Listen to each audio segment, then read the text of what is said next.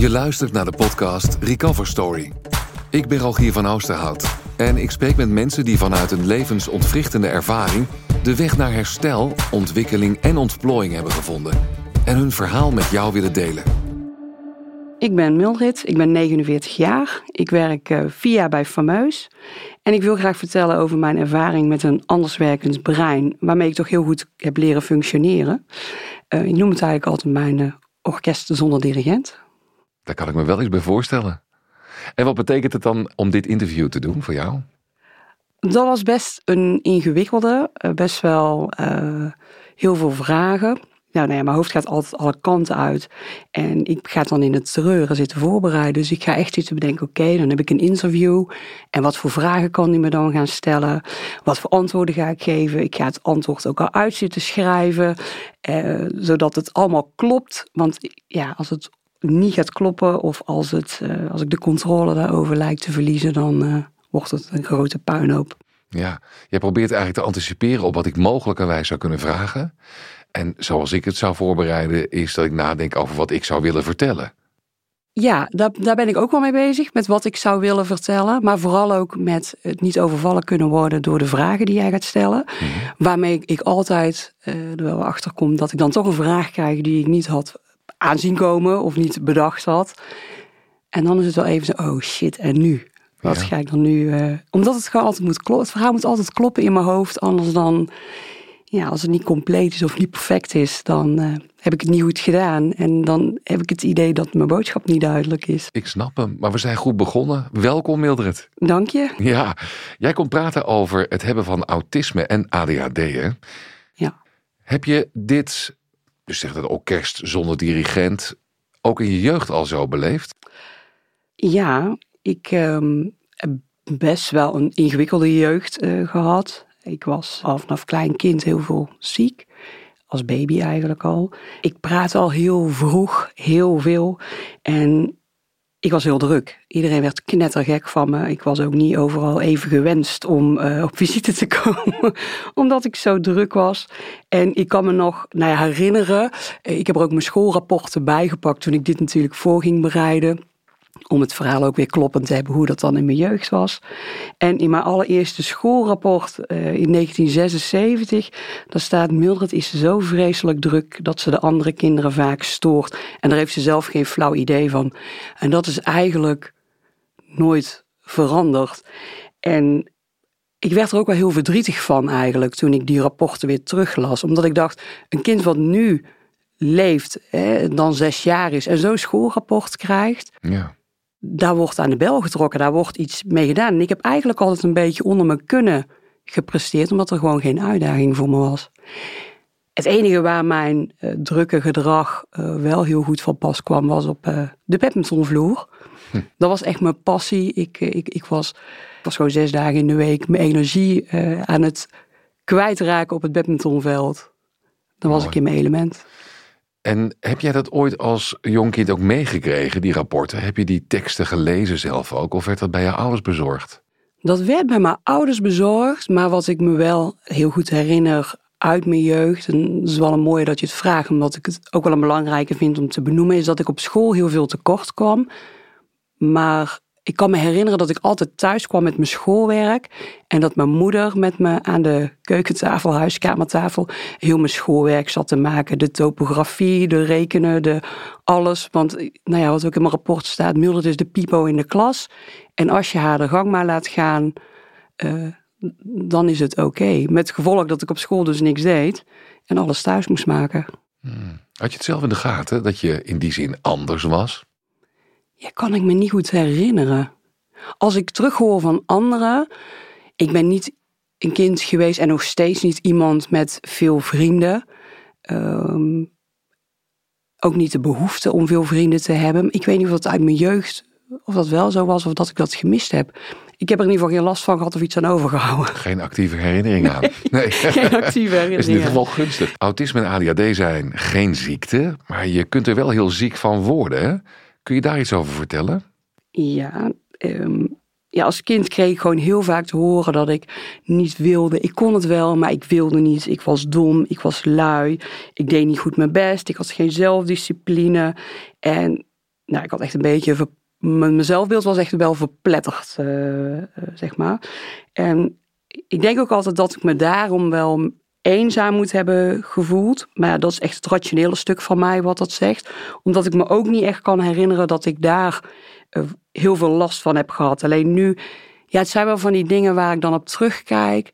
En wat me echt wel een beetje verdrietig kan maken dat het zo geweest is. En, dat ik wel echt heel alleen uh, daarin ben geweest. Eh, op mijn werk ging ik onderuit. Ik belandde in de WIA. Toen is eigenlijk pas het balletje gaan rollen. Ik heb heel erg astma, hyperreactief.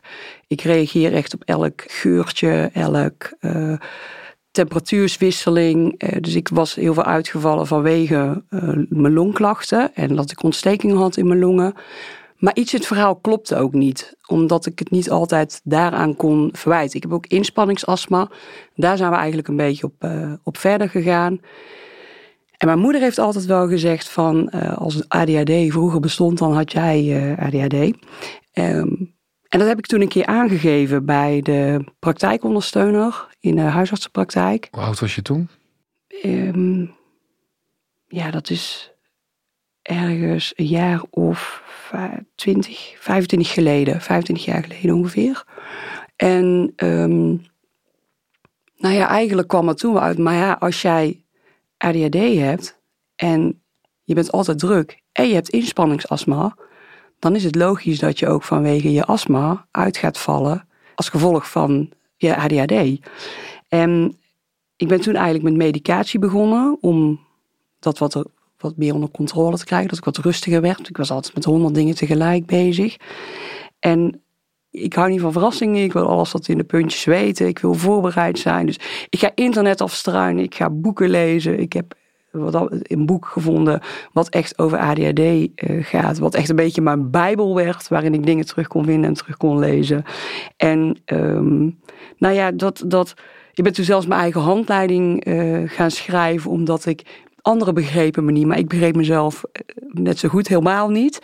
Dus ja, dat kost allemaal heel veel energie waar je dan mee bezig bent. Mm -hmm. Dus los van dat je er op een gegeven moment zelf in gaat geloven dat je lui bent en dom bent en je zelfdiscipline hebt en, um, en aan het onderzoeken bent wat er dan allemaal is en hoe dat dan werkt en wat ik dan moet doen om te functioneren.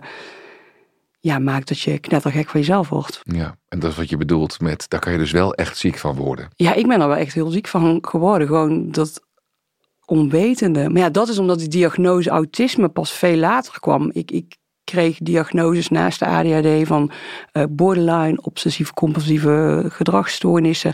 En ik vond de ADHD passen, maar al de rest niet. En toen heb ik wel eens aangegeven van, nou, maar soms denk ik echt dat ik autistisch ben of zo. Hoe, hoe ik alles moet hebben om te functioneren. En dat werd een beetje weggewimpeld tot ze uiteindelijk toch zeiden, laten we daar dan verder onderzoek op doen. -hmm. Kijk, ADHD kun je nog eens bij voorstellen, denk ik. Hè? Maar die combinatie dan met uh, autisme, dat klinkt zo vreemd eigenlijk. Hè? Want ADHD zien mensen denk ik als de stuiterbal. Juist uh, totaal ongecontroleerd en ongestructureerd. En, en bij autisme denken we in ieder geval dat de meeste mensen juist behoefte hebben aan structuur en zekerheid en vastigheid. Gaat dat samen?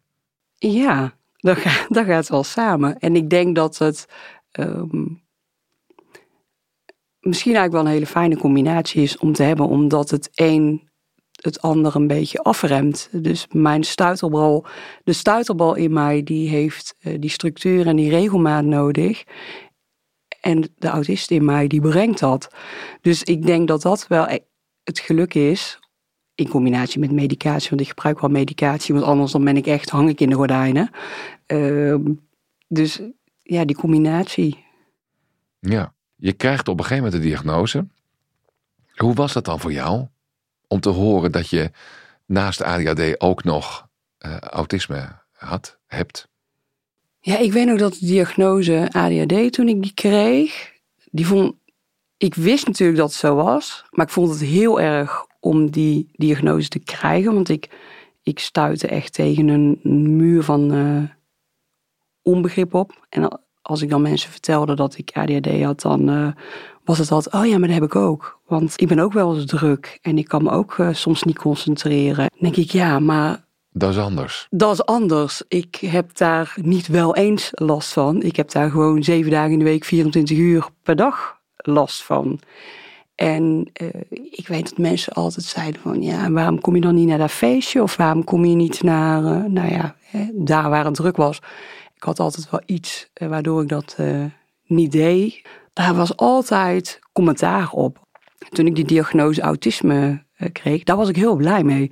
En op de een of andere manier hoefde ik ook niks meer uit te leggen aan mensen, maar was het wel goed. Dus ja, de, de diagnose ADHD maakt me minder blij.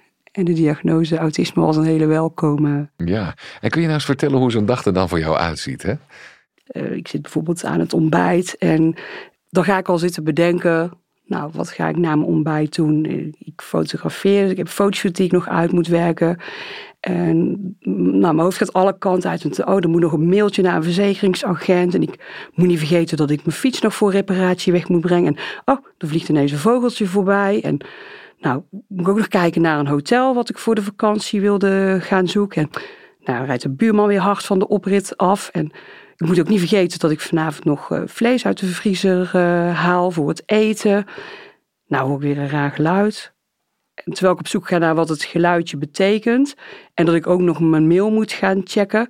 Ben ik ook nog aan het eten. Want anders hou ik geen tijd meer over om ook nog een vloer te dweilen. Oh ja, nee, ik ging eerst die fotoshoot doen. Dat was het. Nou, rijden ze tegenover in de straat weer tegen het verkeer in. Nou, dan ga ik toch maar aan die uh, fotoshoot beginnen. En terwijl ik op weg ga naar mijn werkkamer om aan de fotoshoot te beginnen, zie ik spullen op tafel liggen. Oh ja, die moeten natuurlijk opgeborgen worden. Dus terwijl ik die spullen op ga bergen, denk ik, oh, nou moet ik niet Hé, waarom ligt dat eigenlijk hier? Nou, ga ik weer andere spullen opbergen. En terwijl ik de andere spullen opberg, denk ik, oh ja, formulier moet ik ook nog invullen. Nou, hier ligt een fotoboek. En ondertussen zit ik weer een fotoboek door te bladeren. Ja, en dan is het vijf uur en dan ligt die fotoshoot er nog steeds die uitgewerkt moest worden. Zo werkt dat. Zo werkt dat. Oh. En aan het eind van de dag ga je er nog een bevredigend gevoel over. Nou, ik ben wel iemand die uh, van de lijstjes is. En uh, ik, ik, maak een lijstje met wat ik op een dag uh, wil doen. En als dan aan het einde van de dag, als ik dan zie, ik heb niet zo heel veel van het lijstje gedaan, omdat ik andere dingen heb gedaan dan schrijf ik die andere dingen op en die kan ik dan afstrepen. En dan heb ik toch een goed gevoel over mijn lijstje. Ja, dat is een manier. Ja. Ja. ja, je kunt jezelf maar goed voor de gek houden, toch? Ja, zeker. En maar je hebt nu eigenlijk een prima leven, hè? Ja. Ja. Hoe heb je dat uiteindelijk dan toch voor elkaar gekregen? Ja, dat is ja, een heel proces eigenlijk ook wel, um, ook wel geweest. Ik vind het leven ook best wel ingewikkeld. Soms vind ik het leven ook best wel zwaar. En, en niet dat ik dat dramatisch bedoel. Um, maar dat is ook omdat ik mijn tools wel heb gevonden om me staande te houden in die grote boze wereld uh, waar we in leven. En eigen regie, dat is gewoon heel belangrijk voor me. Dat ik mijn eigen regie kan houden. Dat ik altijd mijn eigen therapieën of behandelaren heb opgezocht waar ik me prettig bij voelde en instellingen voor behandeling. En niet elke instelling, elke therapie, elke behandelaar sloot bij me aan. En dan ging ik op zoek naar een andere behandeling of behandelaar. En ik heb gewoon het geluk gehad dat de allereerste die ooit op mijn pad kwam toen ik bij, vanuit de huisarts de diagnose kreeg, dat was Monique Schouten. En dat is echt een beetje mijn engeltje, zeg maar. Die uh, altijd als er iets was, als ik niet goed zat bij een behandelaar, als ik niet goed zat op een plek, ik hoefde maar contact met haar op te nemen en ik mocht weer terug naar haar. En dan had zij weer gesprekken met me tot ik de wachtlijst weer door was en ergens in behandeling kon komen. Mhm. Je bent nu 19 jaar getrouwd. Dat is best een tijd. Ben je gelukkig getrouwd? Ja, ik ben gelukkig getrouwd. En ik heb ook gewoon geluk dat ik in een, in een, in een goede, warme, stabiele relatie zit. Waarbij ik um, ja, heel erg op Paul kan bouwen ook. Um, me heel veel structuur geeft. Ritme, regelmaat. Dingen die voor mij belangrijk zijn. En het, grap, het grappige, ja, eigenlijk is het helemaal niet grappig, maar we hebben ieder onze eigen bezigheden en onze eigen hobby's. En Paul, die duikt nog steeds. Ik heb gedoken, ik ben ermee gestopt, hij duikt nog steeds. En als hij dan een week weggaat om te duiken, dan neemt hij altijd mijn structuur en mijn ritme en mijn regelmaat mee. En dan is het thuis een beetje weer een, eh, een rommeltje als uh, voorheen uh, ja. het altijd was. Je weet meteen weer wat je hebt als je het mist, zeg maar, ook. Ik weet meteen weer wat ik heb als ik het mis. En misschien is dat ook nog wel mooi om te vertellen als we het hebben over het stukje structuur, ritme en regelmaat. Want dat was voor mij echt wel een hele lastige om mijn eigen te maken. Met behandelingen, therapieën, gesprekken kreeg ik best wel veel voor elkaar als het ging om dagschema's maken en dat soort dingen. En eigenlijk heeft de hond ervoor gezorgd dat eh, mijn structuur en mijn ritme en mijn regelmaat echt goed uit de verf kwam. Zo is negen jaar geleden ja, mijn allereerste hond ooit gekomen. En doordat zij er ineens was, moest ik uh, s morgens een hond uit gaan laten. En smiddags en s avonds. En mijn leven voorheen was. Ik, wat ik niet wil verliezen is de structuur om op tijd uit bed te komen. Dus iedere keer met Paul ik kwam ik om zeven uur mijn bed uit. Maar dan werd de dag één groot zwart gat. Waarbij ik achter een computer verdween. En Paul ineens thuis was. En dat ik dacht dat hij een halve dag vrij had genomen. Maar het was al vijf uur. En ik had niet gegeten, ik had helemaal niks gedaan die dag. En door de komst eh, van een hond was het wel, oké, ik ga het bed en de hond moet uit. Nou, als de hond dan moet eten, kan ik ook gaan eten. En smiddags moest de hond weer uit. En dan kon ik daar ook in mijn eetmoment aan kop. Hetzelfde gold voor het koken. Dus uh, dat is echt wel de laatste stap geweest, ook in die uh, structuur. En eh, de hond houdt die er nog steeds in, maar het is wel als Paul op vakantie gaat, dan is toch een heel groot deel ook mee op vakantie. Ja, blij dat die hond er nog is inderdaad. Ja, precies. Ik, heb er inmiddels drie, dan heb ik een oh, reserve. Ja, ja, ja, precies. Als eentje dan niet wil, dan heb ik er nog één. Ja, als er eentje afvalt, dan heb je er nog eentje die wat langer mee gaat precies. hopelijk. Ja, ja, ja, en dan nog één. Ja, en dan ja. nog eentje. Reservestructuur. Ja, ja, ik hou van, ja, precies. Ik hou van reserve, ik hou van dichttimmeren. En die Paul, die boft natuurlijk net zo goed met jou als jij met hem, hè? Natuurlijk. Ja, maar hij moet ook wel meegaan zijn op een bepaalde manier. Hij moet je ook ruimte kunnen geven. Dat doet hij waarschijnlijk. Ja, dat doet hij zeker. Ik zou het liefst willen dat hij dat altijd doet. Maar het is niet per se gezegd dat het altijd ook goed is. Want soms is tegengas natuurlijk ook wel goed, omdat het mij een beetje scherp houdt als ik uit mijn comfortzone ben. Want dat is zoals het werkelijke leven buiten mijn huis natuurlijk ook is. Mooi. Mildred, je hebt een indrukwekkend cv. Er staan heel veel verschillende baantjes op. Niet langdurig, maar heel veel. En uiteindelijk ben je toch een soort van geëindigd in een vorm van stabiliteit bij Fameus. Want daar werk je al wel een hele tijd. Ja, klopt. Ja. Werk ik nu vier jaar. En ik had me niet voor kunnen stellen dat zo'n baan bestaat. Ik, ik weet nog dat ik een reïntegratietraject inging. Ik moest een reïntegratietraject in van het UWV. Die ben nog steeds voor een groot deel arbeidsongeschikt. En voor een deel zei het UWV, je moet gaan werken. Ja, prima als dat moet, maar dan wil ik wel een coach daarbij. En ik weet nog dat die coach mij vroeg, omschrijf je droombaan. En dat was voor mij... Uh, nou ja, iets waar mijn privéleven ook in, waar de honden in passen, waar ik de tijd heb om mijn huis bij te houden. Want bij mij moet gewoon alles gestructureerd elke week. Anders dan klopt het plaatje ook weer niet en dan gaat het daar ook weer uh, mis, uh, mis mee. En ik, ik werd aangenomen bij Fameus om daar te gaan werken. En volgens mij een week van tevoren dat ik belde van... ik weet nog steeds niet op welke dag ik moet werken. En dat er werd gezegd van ja, maar kijk maar even, neem aan dat je ook een privéleven hebt. En uh, hè, dat ik daar ook rekening mee mocht houden. Huh?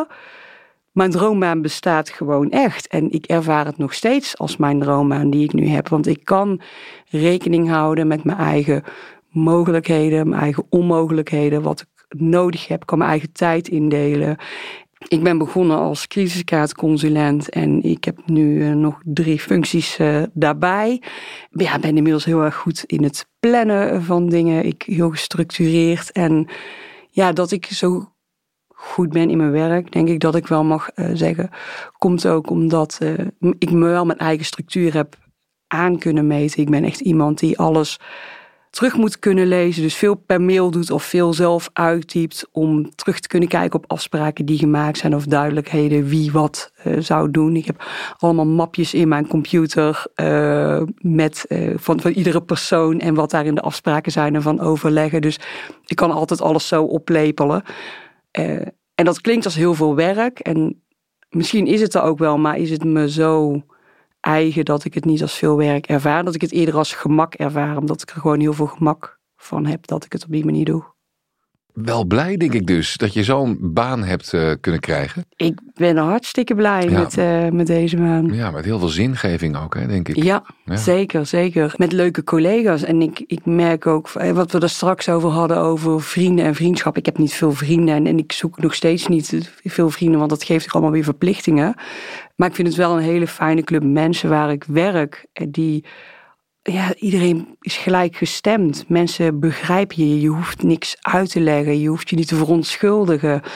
Mooie en veilige plek kan je niet hebben. Wat is je grootste motivator om zo lang bij Van Meus te kunnen blijven werken? Eigen regie. Als ik terugkijk naar wat ik er straks ook zei. Het hebben van eigen regie. En het, het behouden en bepalen van mijn eigen structuur en regelmaat is voor mij heel erg belangrijk. En die ruimte heb ik bij Fameus. Om mijn werk te doen en mijn werk in te delen zoals het voor mij praktisch en werkbaar is. Mooi. 49 lente stel je nu. Ben je gelukkig? Ja, zeker. Dankjewel. Graag gedaan. Dit was Recover Story. Deze podcast kwam tot stand door Fameus en werd mede mogelijk gemaakt door gemeente Tilburg.